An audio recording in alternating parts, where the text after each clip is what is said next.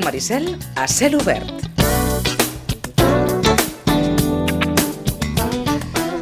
La llibretera no sé què ens dirà, però l'amant dels llibres i de la literatura segur que ens dirà coses bones. I és que, si algú de vostès ho vol aprofitar, el diari Ara posa sobre la taula una col·lecció de literatura catalana d'aquelles com nosaltres ens ha fet recordar, no només per, per la presentació, perquè és molt sòbria, però molt, molt cridanera, la que en el seu moment, i n'hem parlat amb la Rosana algunes vegades, va impulsar la Caixa, amb aquelles millors obres de la literatura universal, primer, i després amb les millors obres de la literatura catalana. Doncs l'Ara treu una col·lecció on hi ha, doncs bé, algun, alguns dels nostres autors més emblemàtics de tota la història, i hem de suposar que, que de ben segur omplirà un d'aquells buits que tantes vegades ha reclamat la Rosana de poder posar la gran literatura, la nostra gran literatura, a l'abast de tothom. Rosana, bon dia i bona hora. Hola, molt bon dia. Això no va de llibreries, però No, no, no, i les llibreries no estem contents. Ja m'ho suposo, ja. No, perquè això vol dir que si no vas en el moment a comprar-ho, ja sabeu que els quioscos tenen un espai limitat. Mhm. És a dir, que o vas en el moment a comprar-ho o la col·lecció ja no la tens, vull dir, desapareix, no? Qui, qui ha editat això? Mm, suposo que, que és en connivència amb, amb ara llibres, no, no ho sé, no, no ho he vist. D'acord, d'acord. És que vaig veure, en el diari vaig veure la publicitat, Mhm. vaig pensar un altre, i ja no vaig, saps, allò, no vaig endinsar-me més per no saber qui era l'editor i no maleir-lo. Per no posar-te malalta. Sí, perquè saps què passa? Que, a veure, mm, eh, ja ha passat diverses vegades, no?, que després intenten recol·locar-ho en el sentit de dir, vale, doncs ara intentem fer, no?, el que s'havia d'haver fet abans, és a dir, eh, de dir, va, molt bé, està als quioscos, però també es pot aconseguir les llibreries, perquè el client que no és de quiosc mm, Mm. eh, es queda sense, és a dir, sí, la pot demanar, i tot, però, però ja no, no la pot tocar en aquell moment, veure-la i de dir, decidir si vol tenir la col·lecció, si no, si en vol algun, etc. D'acord. No? Què creus que acabarà a les llibreries, però, aquesta col·lecció? Mm, mm, clar, si no la passen en llibreries i de vegades les passen massa tard, i Mhm. llavors ja doncs, tot l'efecte aquest de, de la publicitat ja és ja ha passat, saps? I llavors doncs no, no té el mateix efecte, clar, Mhm. perquè és que no, no, sé, no sé quin criteri tenen, suposo que és el criteri de, de fer també atractiu el, el fet de vendre diaris, no? Perquè això és, Segurament. realment és per vendre diaris. Mhm. No ha I- estat ni el primer ni l'últim diari, Eh? que, que, que no ha estat ni el primer ni l'últim diari que proposa clar, una, no, no, una no, col·lecció. Saps? Vull dir, cadascú intenta veure si fa una cosa de més ganxo i més... No? Mhm. I bé, doncs no sé si, si servirà tot el que hauria de servir, saps? D'acord. Si, la, la gent s'hi abocarà a, a comprar. Mhm. A vegades, moltes vegades, aquestes col·leccions el que passa molt sovint és que compren el, el primer número D'acord. i després, saps? Mhm. Es va desfent allò. Ho dic, és, és una certa llàstima perquè la proposta té Mm, molta sí, relació precisament amb el que, amb el que El que tantes vegades, moltes vegades. això, això no hi és en el món editorial algú que pugui anar a una llibreria i dir escolti'm, una col·lecció de mm, doncs no hi és, o almenys presentada d'aquesta No, manera. d'aquesta no. forma, no? No, no, no, a més a més, vull dir, tots amb el mateix format, tots amb Exacte, el, no? amb un el format disseny. molt, molt, també molt cridaner, de, Sí, amb de, de disseny, portada, amb un disseny molt, molt cuidat en aquest, en aquest aspecte, per tant, doncs, home, Per tant, els hauríem de dir als editors, home, esmerceu-se una mica. exacte, no? que, que us, Perquè- prenen, us prenen les idees, eh? Sí, no, perquè més que, més que res és que això és molt efímer, és a dir, la, vida d'aquesta col·lecció serà molt efímera, perquè si va a quioscs vol dir que serà efímer, no? No, no ho poden conservar els quioscos. D'acord. No tenen lloc per fer-ho, no, Sí, sí, no està clar. plantejat el, el, el seu local per fer aquestes coses, no? Llavors Mhm. vol dir que la vida també és molt efímera, és a dir, o compres... Eh, suposo que deus tenir, suposo, eh, una adreça per, per demanar-lo. Sí, sí, sí, i també pots, pots eh, rebre la col·lecció sencera, però és clar, ja des de la, des de la vida privada de, de Sagarra fins al Solitud de Víctor Català o els sots ferèstecs de, de Raimon Caselles Sí, és o, que dèiem. que per, per això mateix eh? o, n'hi ha, ha alguns o les closes de Maria Àngels Anglada o vida interior d'un escriptor d'en De Joan Puig i Ferreter fent l'edició 62 amb la col·lecció Educaula, perquè els està Mhm. canviant de col·lecció, saps? Els està canviant i, bueno, a veure si té continuïtat el projecte i finalment ho, ho tenim. Eh? d'acord doncs d'alguna manera ja veurem, eh? ja veurem com, com segueix però Sí? aquesta col·lecció de Em 32 sembla que se'ns ha tallat. sí? Sents? Tornem-ho a intentar, doncs. Ja ens semblava. I mira que és, que és a 8 quilòmetres, eh? Que truquem a Vilanova, que si diguéssim, mira, truquem a Sebastopol, però és Vilanova. Tornem-ho a intentar. Veure si ara hi ha una mica de sort i sentim millor la Rosana. Rosana, bon dia. Hola, bon dia. Sí. Et sentim millor fins i Una tot, altra eh? vegada. Et sentim millor fins i tot. O sigui que el que comentàvem, que bàsicament està per veure quin, quin serà l'evolució d'aquesta col·lecció, són 32 volums, eh? Sí. Però només ho apuntem en el sentit que tantes vegades ha estat reclamada Exacte. la, la, o la Rosana ho ha dit en, en tants programes, doncs, doncs bé, algú ha pres Nota, aquest no. testimoni d'una d'una col·lecció de- d'obres de, de referència de la, de la literatura catalana. Bé, ens havíem quedat amb, amb però amb algunes novetats d'aquelles de pes eh, que ens havia comentat la Rosana, entre elles el darrer llibre de Maria, de Maria Barbal, La pell de l'altre, o la darrer, o darrer llibre de Sophie Hanna, Los crímenes del, del monograma, o Ken Follett, per exemple, o Vicenç Villatoro, i a punt d'arribar, com ens deia la, la Rosana, la segona novel·la de Lluís Llach aquest mes d'octubre, o sigui que, Sí. que està més o menys a tocar això ja, eh? A tocar, a tocar. El dia 7 d'octubre, si no m'equivoco, surt Les dones de la principal, eh? aquesta història de, de una generació de dones que, doncs, en un poblet, que evidentment que pot, podria ser eh? mm, porrera, però que no ho és, Uh -huh. uh, que podria ser però de, de Reus, que és Pous, però que tampoc no ho és, que podria ser el Priorat, que es dirà Abadia, però que tampoc no ho és, No segons el Lluís Llach, i de fet és, bé, una història d'unes dones, um, això sí, amb un assassinat pel mig, un assassinat que serà el que marcarà també doncs, doncs una història de silencis, una història de d'aquelles de, una història del poble, no? Mhm. De- d'aquestes tres dones que, que un, un lloc marcat per la filoxera i que evidentment s'hauran quedat sense terres, tiraran les terres endavant i hi haurà una bona història. D'acord. Les dones de la principal. Les dones de la principal. Hem No. de dir que aquesta vegada surt en, eh, en castellà també, la traducció surt alhora. Uh -huh. Per tant, tots aquells que de vegades volien llegir Llach, però són d'una generació que, que els hi costa més el català, eh, llegir-lo com a mínim, no, no pas parlar-lo, doncs també el podran tenir en Uh -huh. cas. es, es titularà igual? Sí, les, Les mujeres de la principal? Sí. Sí? sí, sí. D'acord. Sí, el volen fer, saps, com que el fan a l'hora i, i doncs tota la promoció sortirà a l'hora, doncs bé, doncs eh, el faran així, eh? Per tots aquells que vulguin disfrutar del llac. Sí. Eh? Que sembla mentida que estiguem parlant de Lluís Llach, eh? Sí, Amb una història de dones, amb un assassinat entremig, sí. amb un poble rural. en un poble rural, eh? i Mm. clar, eh, tothom diu, ah, bé, és porrera. doncs no, ell diu que no és porrera, que no ens ho vulguem... Eh? D'acord. Suposo que és accessori en la novel·la, això, eh? Sí, sí, sí, sí, vull dir que hi personatges Mhm. molt forts, l'Ursolina, saps allò, uns personatges que dius, bueno, eh?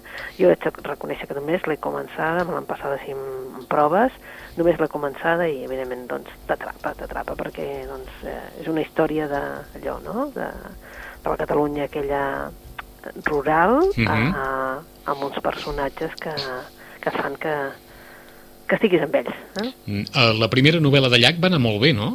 Sí, molt bé. Molt bé. La veritat és que sí, eh, la veritat és que eh, es va vendre moltíssim i curiosament, que per això s'ha fet directament en, català, en castellà també, curiosament també en castellà, que Mhm. dius, bueno, eh, doncs de vegades, no, aquestes coses, doncs curiosament la memòria d'uns ulls pintats va anar molt bé en, a la primera edició, després eh, s'ha fet ja en butxaca i també ha funcionat força bé, Mhm. en veritat, i bueno, van fer fins i tot una edició especial, però és que amb butxaca també es va vendre, amb la qual cosa doncs això fa que l'editorial, clar, que ara són el mateix grup, això també s'ha de dir, eh? doncs hagi decidit eh, fer-ho a la mateixa hora, que la primera no va passar, eh? es va fer, la traducció es va fer uns mesos després. Mhm. Per tant, pel que has llegit, preveus que Que serà, tingui una bona acollida, eh? sí, serà Sí. un èxit, Serà un èxit. serà un èxit. Doncs eh, ho, ho anuncia la Rosana Jo crec que serà un èxit. abans d'aquest 7 d'octubre. Les dones de la principal, novel·la de Lluís Llach, que arribarà a les llibreries en català i en castellà el proper 7 d'octubre. És una novetat esperada. N'esperem algunes altres, a part de les que ja ens havies comentat? D'esperar-ne, esperar-ne... O les grans, grans ja han arribat? Sí, algunes ja, ja han arribat i la veritat és que bé, en castellà hi ha el Muñoz Molina, però ja és cap al novembre, és a dir que, saps, eh, Mhm.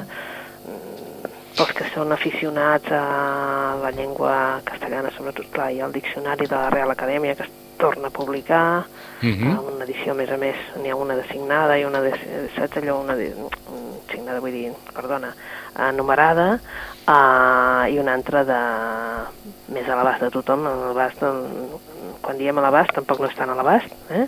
perquè és car, vull dir, és el diccionari en gran i per tant és un, un llibre car, però Eh, encara hi ha gent que ho compra? sí, Sí. sí, perquè encara es ven el diccionari de Maria Moliner, encara es ven el diccionari de l'enciclopèdia catalana, el gros, eh? Sí. Uh, encara es venen, sí. Els diccionaris és un tema que... És un tema, no sé si menys a part, això dels diccionaris. Sí, Sí? Sí, jo crec que sí, perquè hi ha gent que, que és molt aficionada, uns altres que diuen, no, no, si això ja ho trobem per internet i tal, Mm. i hi ha gent que diu, no, no, jo vull el diccionari. I la veritat és que sí que és veritat que quan és el públic més jove, diguéssim, um, se'ls ha d'acostumar. Els grans hi estem molt acostumats a utilitzar el diccionari, en canvi el públic més jove se li ha de fer expressament perquè tingui agilitat a l'hora de buscar no? Mhm. Eh, les paraules, que no, no ho tingui tan fàcil amb això, sinó que tingui agilitat de, de saber doncs, eh, de letrejar i per tant anar més ràpid a l'hora de buscar el diccionari, que pugui confrontar coses, etc. I això sí que s'està fent una feina de, eh, escolteu, necessiteu un diccionari, no? D'acord. En el cas del català, el que més surt és el de l'enciclopèdia, Rosana? sí, sí. Que és aquell de color groc, si no Ah, el recordo de color malament, eh? groc, sí, sí, sens dubte, perquè és el que està més posat al dia i suposo que també, a veure, amb, amb, amb, amb edicions escolars també és veritat que Santillana fet un esforç i per tant ha, ha fet un, un molt assequible i, i sí, surt, perquè és per nanos i saps allò, els dibuixos i tot això doncs també ajuden a que eh, de tant en tant hi hagi una il·lustració també ajuda que el nen doncs s'hi fixi més o, Mhm. o el color de la lletra, saps? Vull dir que la fan en blau perquè ressalti més. Està clar. Clar, el diccionari sempre ha sigut una cosa bastant sosa, no? Home, A és clar. tipogràfic. Diguem-ne que no s'agafa, vaja, molt pràctica. No, no, no, Mm. vull dir, no? I llavors, clar, eh, però sí que és cert que, és clar, el que vol un bon diccionari agafa el de l'enciclopèdia, sí. D'acord. Doncs Sí. que quedi clar que entre les novetats també hi ha les revisions del diccionari de Exacte, l'enciclopèdia. Edicions de diccionaris i de coses com aquesta. I ens havia quedat una de importantíssima, diuen les pàgines de, de l'avantguàrdia de ahir, ahir no les varen poder llegir, però ahir deien, se fue sin terminarla, Ana María Matute se fue el pasado 25 de junio sin poder acabar su última novela, Demonios Familiares, una narración que es la Matute en estado puro, en opinión de su hijo, Juan Pablo, porque reúne todo su un universo y obsesiones y un libro que precisament, deia l'avantguàrdia ahir, surt avui al carrer, Sí, sí, sí. editat per Destino, eh? Sí, editat per Destino, la veritat és que sí, és, és un llibre, a veure, no, no és massa llarg, la veritat és que, bueno, eh, de- depèn dels llibres de l'Anna Maria Tuté, també ens tenia acostumats a, a, a llibres així, quan, eh, quan escrivia segons quina història, fer-la molt, molt llarga, aquest la veritat és que um, la, la contraportada és bonica, eh, tot ens parla d'una història, una història, evidentment, del juliol del 36, i una ciutat eh, del centre, el centre d'Espanya, una casa familiar, eh, i una noia, una dona que torna cap a casa després de que s'hagi cremat el convent on estava com a novícia. Ahà. El seu pare és un coronel, és un home conservador, evidentment conservador, autoritari, ho tenia tot, eh? I bé, mm, sí que s'estima la seva filla, però com una... saps aquells amors distants, eh? Um, de fet, aquest home ja no, no té mobilitat i, mm, de fet, dirigeix totes les seves terres des d'una cadira de rodes, assistit per una persona, doncs aquella és una persona fosca, una persona que, evidentment, amaga molts secrets, que és el Iago. Eh? I, doncs, eh, l'Eva, que ha retornat a casa d'aquesta manera, etc., doncs, troba un, un paracaidista malferit i el traslladen a, a la casa. A partir d'aquí, doncs, destapem tots aquests demonios familiares de l'Anna Maria Matute. Eh? Mhm. Jo crec que serà una novel·la d'aquestes curtes entranyables de l'Anna Maria Matute, eh? de les que doncs ens tenia acostumats a, a, a fer, no?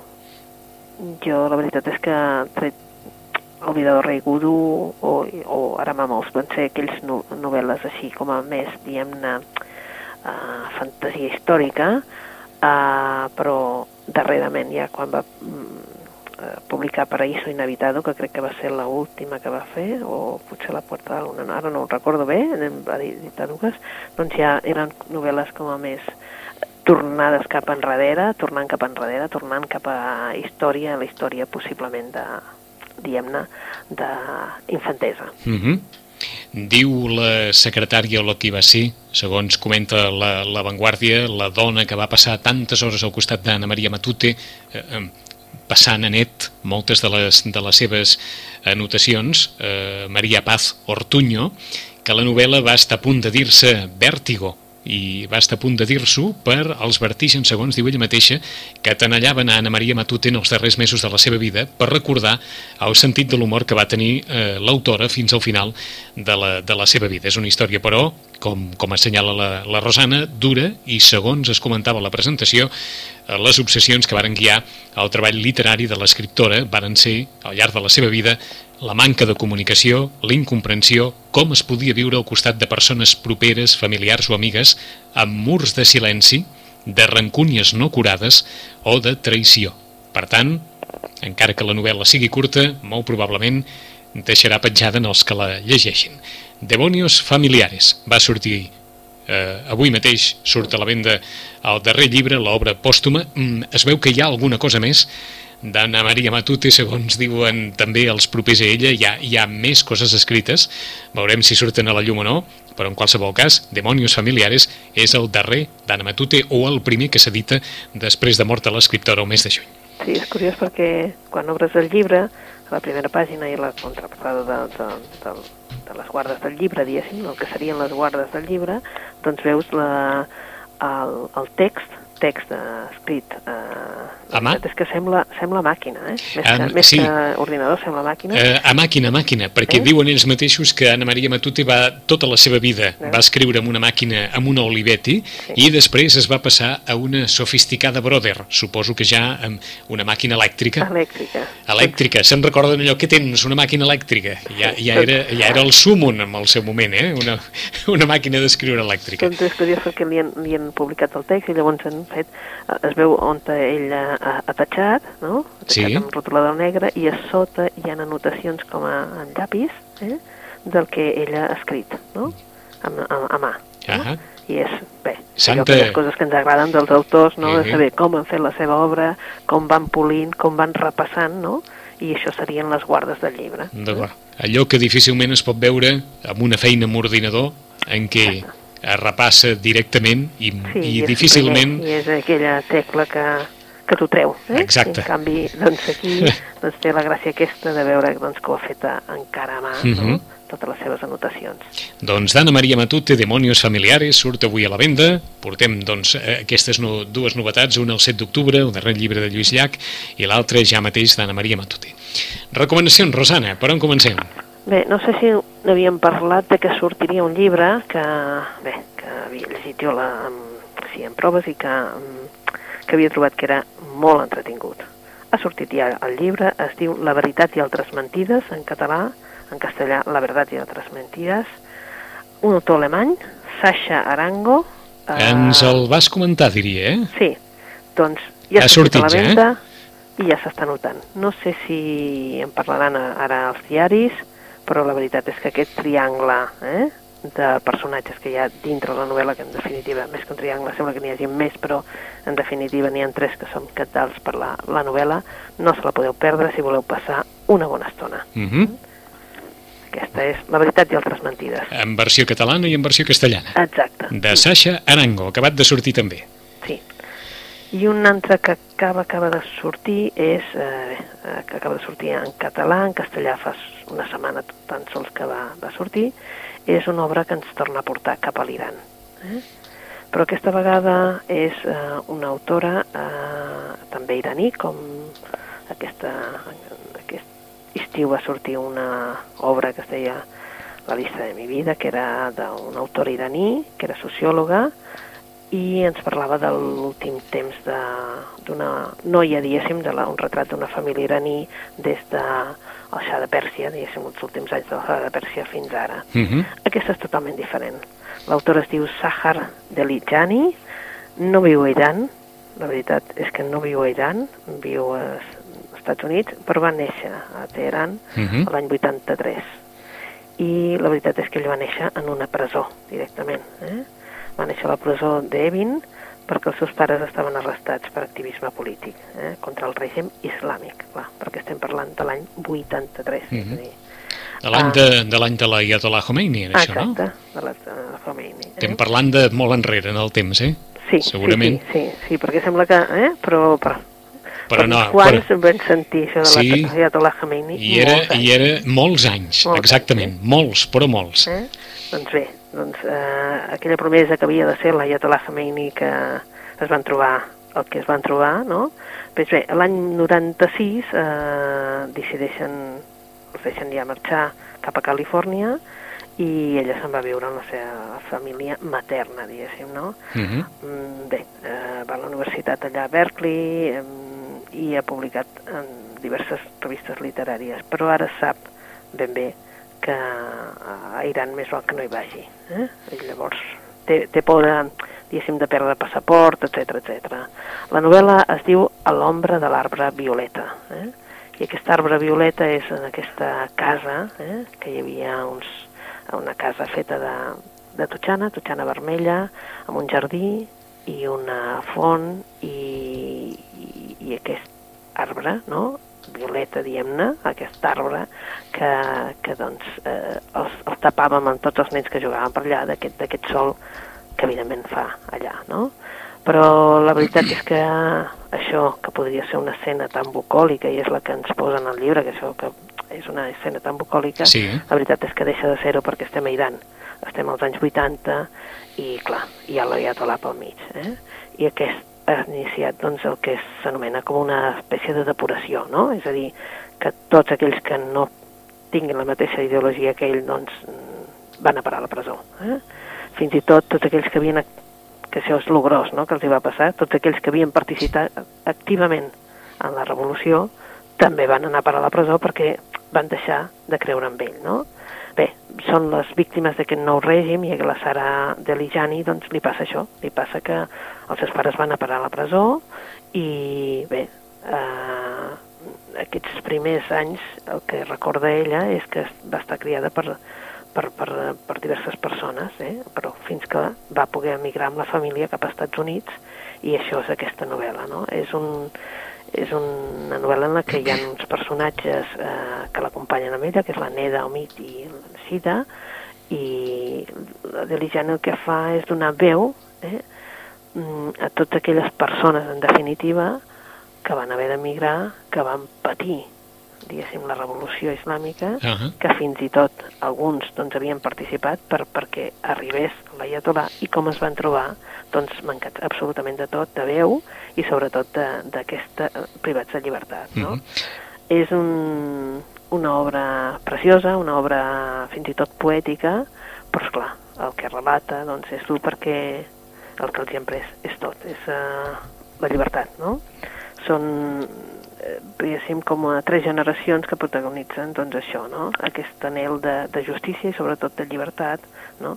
Perquè ells no han triat aquest, uh, viure sota aquest règim, però bé, són aquestes vides que, se, que van entrelligades, diguéssim, amb Mhm. aquest... Uh, uh, bé, potser el més dramàtic és sentir el plor a la presó, no? quan una criatura ha nascut allà. Mm? I tu penses, quina vida li guarda. Eh? Ahà. Una història amb els, com diu el web de- d'Ara Llibres, amb els fonamentalismes de fons. I per tant, qui vulgui una, una reflexió d'algú que ho va viure, ara nacionalitzada americana, segurament el punt de vista també és un altre passat, passat els anys, oi? I a algú pot, li pot semblar també condicionat per, per el que és el món anglosaxó en general, però el que s'ha viscut s'ha viscut i Sahar Delijani és el que presenta a l'ombra de l'arbre violeta aquesta novel·la situada en, com els dèiem, en aquest Iran post-revolucionari en el qual hi passaven moltes coses que tenien a veure amb l'administració de, la, de les llibertats de cadascú.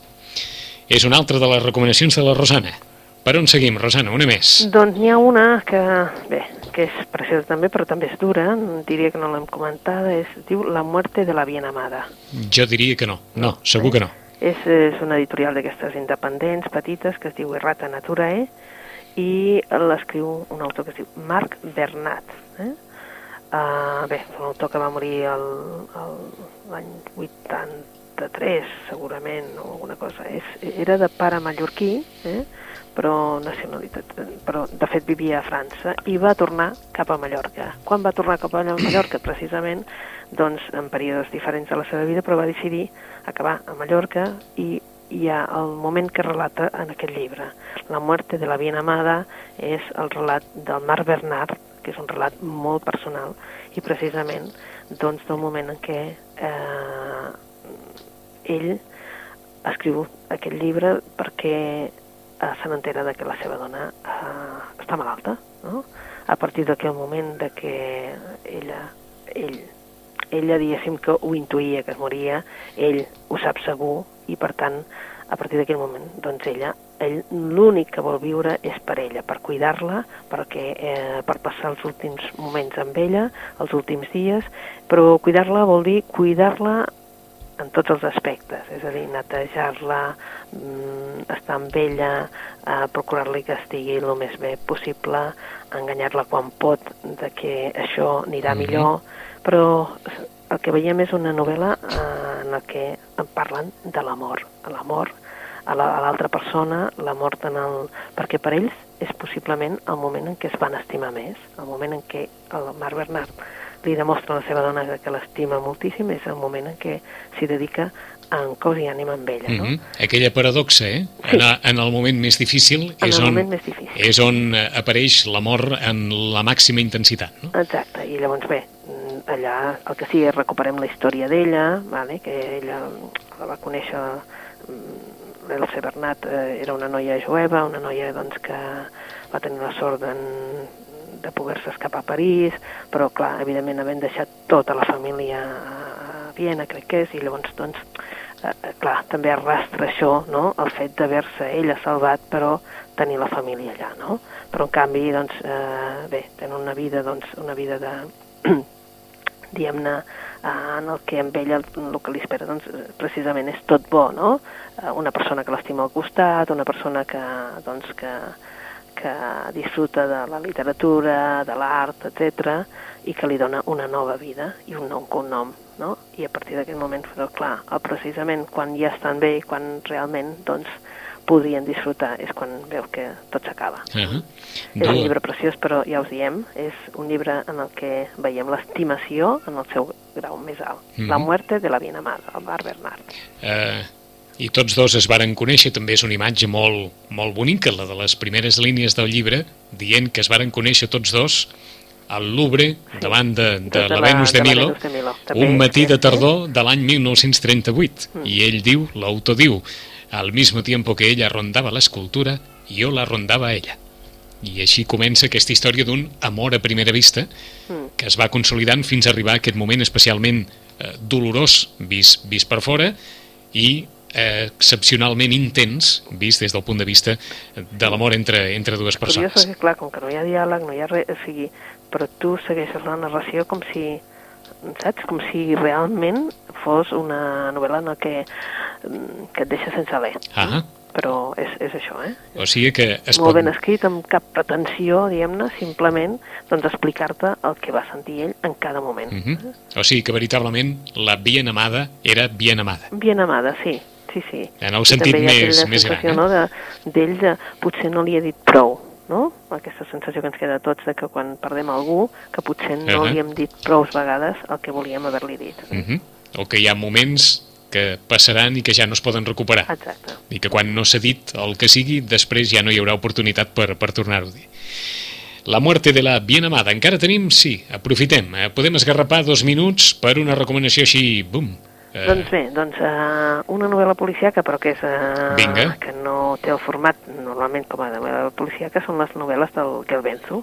Eh? Nunca ayudes a una extraña és un altre cas, un nou cas d'una jutge que és la Mariana de Marco. Eh? Um, tenim el Javier Goitia, que és el periodista que investiga, eh? i tenim una cafeteria d'un tren que el porta a una ciutat i llavors contempla amb una dona, una dona que, que el fascina, no? Bé, mm, és una novel·la que, us, que uh, t'acompanya absolutament aquesta Mariana de Marco. Per als que hem llegit les novel·les anteriors, la veritat és que ja l'anem seguint i ens agrada moltíssim.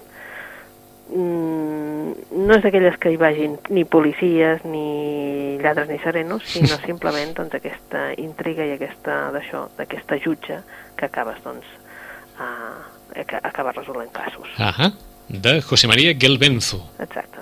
Nunca ayudes a una extraña.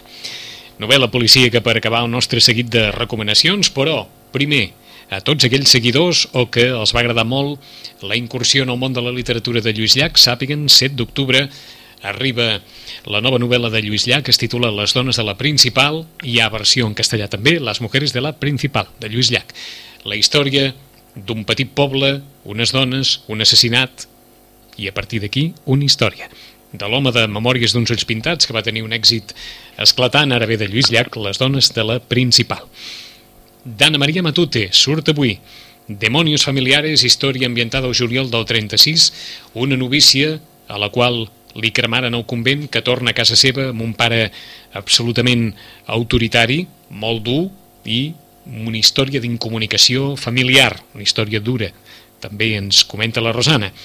De Sasha Arango, qui vulgui un altre, vaja, un vessant més, eh, diríem com a mínim més, en, més entretingut, no tan, no tan tensionat, La veritat i altres mentides, de Sasha Arango també acaba de sortir, de Sahar Delijani, una història ambientada amb l'Iran post revolucionària en l'Iran de l'Ayatollah Khomeini. És A l'ombra de l'arbre violeta, un títol molt bucòlic per una història veritablement dura i contundent de les persones i de les famílies que varen perdre les seves llibertats individuals. De Marc Bernat, una història sensacional, una història d'amor sensacional, intensa, eh, potent, de dues persones i de la història que viuen quan una d'elles, la dona concretament, entra en un període de malaltia del qual no se'n sortirà. La muerte de la bien amada. I finalment, Nunca ayudes a una extraña, de José María Gelbenzu, novel·la policíaca, però ambientada en aquest cas en el món d'una jutgessa, d'una jutgessa que resol que resol casos, o sigui que, com deia la Rosana, no tant de lladres i serenos, sinó ambientada en un altre registre, en un altre àmbit, però també mantenint tots els elements, tots els ingredients de la novel·la policiaca. En 15 dies tornem, estarem ja a les portes d'aquest nou llibre d'en Lluís Llach i, per tant, de més novetats sobre la taula que ens comentarà la Rosana. Rosana, bona lectura. Molt bona lectura.